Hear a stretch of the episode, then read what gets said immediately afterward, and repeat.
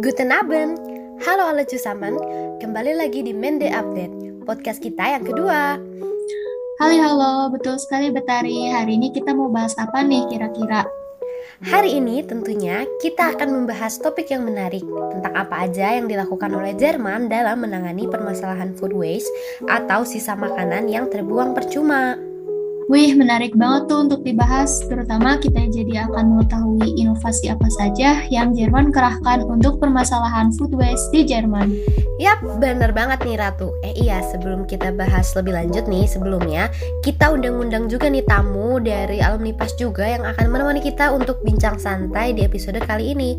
Kira-kira Ratu bisa tebak nggak siapa? Wah, siapa tuh? Asik nih, bisa bahas rame-rame. Tamu kita kali ini ialah Rintang Jaru Prakasa dari alumni PAS SMAN 7 Bandung. Yay! Halo Lintang, ayo gabung bincang santai nih sama kita. Wede, halo Lintang, alumni kita-kita juga ya, anak Bandung. Halo semuanya, makasih banyak ya udah diundang ke dalam podcast Mende kali ini. Widih, iya dong, pastinya semakin banyak semakin seru. Iya nih, betul, betul banget Betari. Oh ya, aku ada pertanyaan nih untuk Lintang. Sebelum kita bahas lebih lanjut mengenai inovasi yang dilakukan oleh Jerman dalam mengatasi food waste. Kira-kira apa nih yang kamu tahu tentang food waste secara umum? Hmm, yang aku ketahui mengenai food waste sih, itu tuh tentang sampah makanan gitu kan? Iya, benar. Jadi, uh, food waste itu adalah limbah makanan yang sudah tidak dipakai dan dibuang karena kan uh, sudah mendekati masa kadaluarsa ataupun sudah terlihat tidak segar. Oh ya, tahukah Lintang kira-kira apa saja nih dampak negatif yang dapat ditimbulkan dari food waste ini? Ya, jadi ada beberapa dampak negatifnya ya yang saya tahu dari food waste ini. Contohnya sampah makanan yang menumpuk itu bisa mengeluarkan emisi berupa gas metanan. Nih yang tentunya tidak baik bagi manusia dan juga bisa meningkatkan emisi gas karbon yang mencemari udara. Itu baru sedikit sih pengaruh ke lingkungan. Tapi kalau kita lihat secara menyeluruh, makanan-makanan yang tersisa ini merugikan secara ekonomi dan sosial. Wah, iya benar banget ya.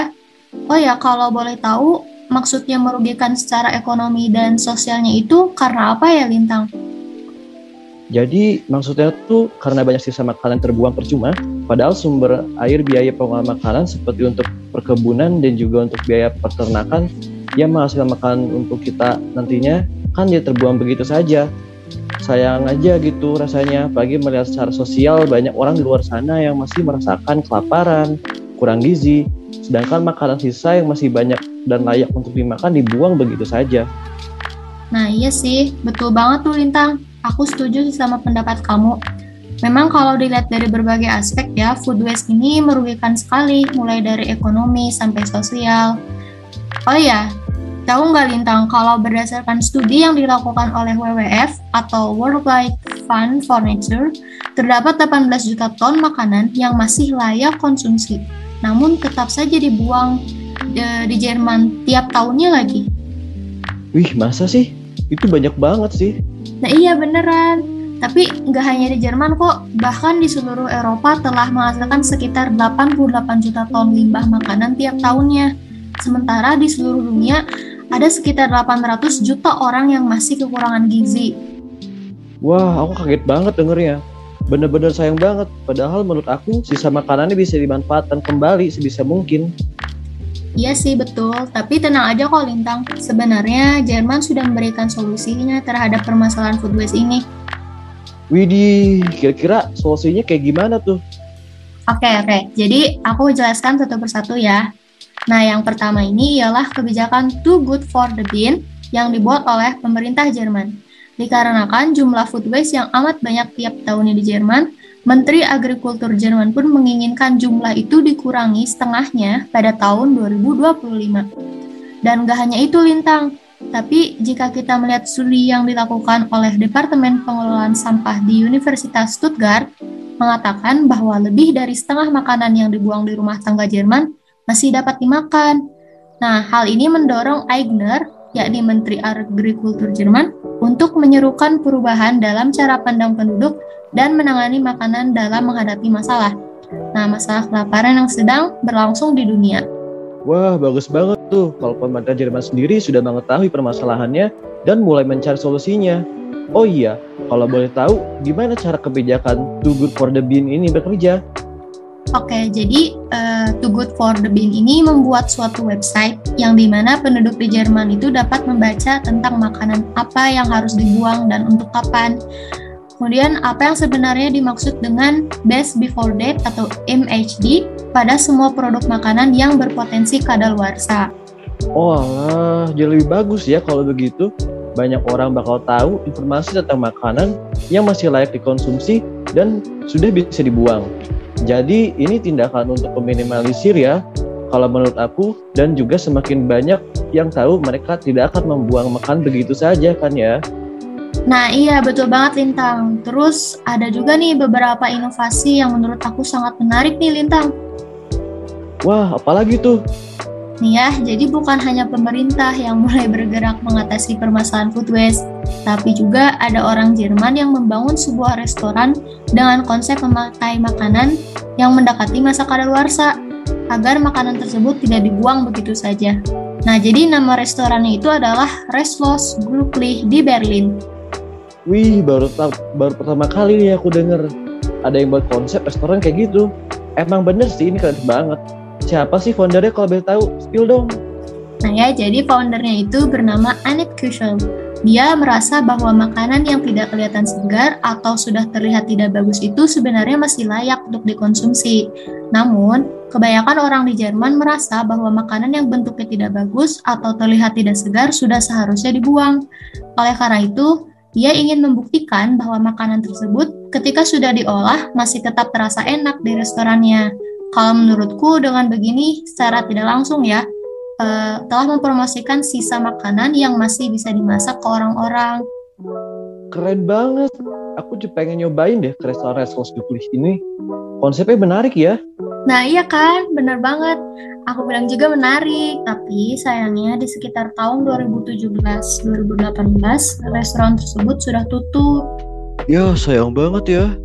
Tapi kalau gitu, apakah restoran Gluklis ini masih melakukan upaya lainnya?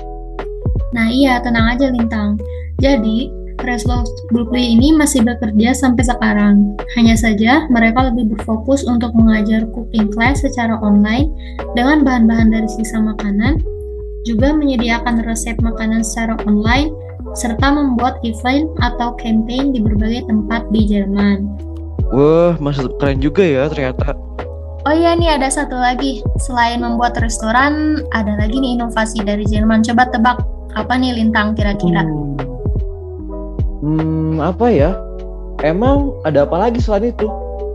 Oke, aku kasih tahu aja ya. Jadi di Jerman itu uh, mereka telah membuat suatu aplikasi yang bertujuan untuk memberhentikan food waste yang bertambah. Nah, nama aplikasinya itu adalah Meal Saver App. Dengan aplikasi ini, memungkinkan restoran dan toko roti untuk menjual sisa makanan mereka kepada pemburu barang murah yang kelaparan, alias yang suka berdiskonan ya. Ya ampun, ini sih makin keren parah. Ada yang murah-murah gini sih aku suka.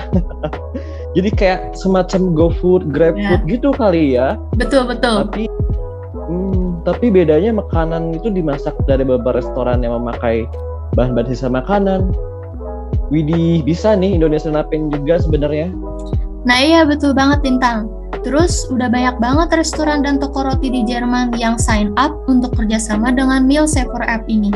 Contohnya aja ya, di kota Berlin, Hamburg, Munich, Cologne, Düsseldorf, Dortmund, Duisburg, Gelsenkirchen, dan masih banyak lagi. Totalnya itu ada sekitar 320 perusahaan di seluruh Jerman yang telah mendaftar. Nah, mayoritasnya itu ada di Berlin. Udah fix, mantep banget gak tuh? Aplikasinya juga udah populer gitu. Tinggal dipakai dan otomatis kita udah membantu mengurangi food waste yang kita terbuang begitu saja aku penasaran nih, kira-kira ada lagi gak inovasi lainnya dari Jerman?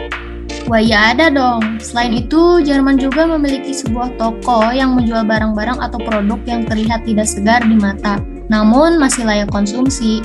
Juga menjual produk-produk yang mendekati masa kadaluarsa. Nah, nama toko tersebut ialah Surplus Grocery Store yang ada di Berlin. Semuanya juga diskon sampai 80% loh. Ya ampun, makin banyak perdiskonan, mantep nih. Ini bisa online juga nggak belanjanya? Nah iya, ini tuh tokonya ada untuk online dan juga untuk offline. Benar-benar bisa juga ya mereka kepikiran bahwa toko yang kayak gini benar-benar menarik semua sih. Nah pastinya dong. Nah gimana nih Lintang, kata kamu dengan beberapa inovasi ini kira-kira Jerman bisa nggak mengurangi jumlah food waste di tahun 2025 nanti? Kalau kata aku sih ya, dengan banyak inovasi yang kreatif kayak gini semestinya bisa dong. Dan juga melihat kebanyakan produk Jerman yang juga cinta lingkungan dan memiliki awareness terhadap sekitarnya pasti bisa tinggal diterapkan saja. Saat bisa beli bahan makanan yang diperlukan kalau mau masak di rumah kan ya. Jadi gak mau bazir gitu istilahnya. Kalau makanan gak habis, bungkus aja. Kayak kita suka beli nasi bungkus atau padang kali ya kalau Indonesia. Nah iya betul-betul kayak di Indonesia ya. Widih, udah keren-keren banget ya hal yang udah dilakukan sama Jerman nih untuk menangani permasalahan food waste di sini, bener nggak? Nah, pastinya dong, dengan inovasi-inovasi yang dibahas sebelumnya, hal tersebut bisa membantu mengurangi limbah makanan yang terbuang percuma dan memanfaatkannya untuk hal yang lebih baik. Setuju banget, terutama ya di bagian yang ada supermarket Jerman itu, itu keren sih. Mereka bisa memanfaatkan food waste, food waste sebegitunya apalagi ada diskonannya juga tuh murah-murah. Iya bener banget tuh Lintang Nah nggak kerasa ya kita udah ngobrol panjang gini saking serunya Iya bener ya Beta Nah karena udah panjang nih kita bisa buat kesimpulan nih bahwa Dari berbagai inovasi yang Jerman telah buat ya mengenai food waste uh, Ada juga uh, banyak inovasi seperti yang barusan kita bahas mulai dari kebijakan dari pemerintah Jerman, kemudian uh, kembali lagi ke restoran ya, membuat restoran yang menerapkan konsep food waste, mengolah food waste. Kemudian ada lagi nih, uh, mereka membuat sebuah supermarket dan juga aplikasi-aplikasi lainnya. Nah, dengan begitu kita bisa mengakhiri episode kali ini. Terima kasih banyak ya Lintang sudah meluangkan waktu untuk join di podcast kita. Iya, makasih banyak juga ya udah invite aku untuk join. Pokoknya seru banget deh hari ini. Iya nih, podcastnya seru banget dan juga kita secara gak langsung udah nambah informasi dan wawasan baru juga.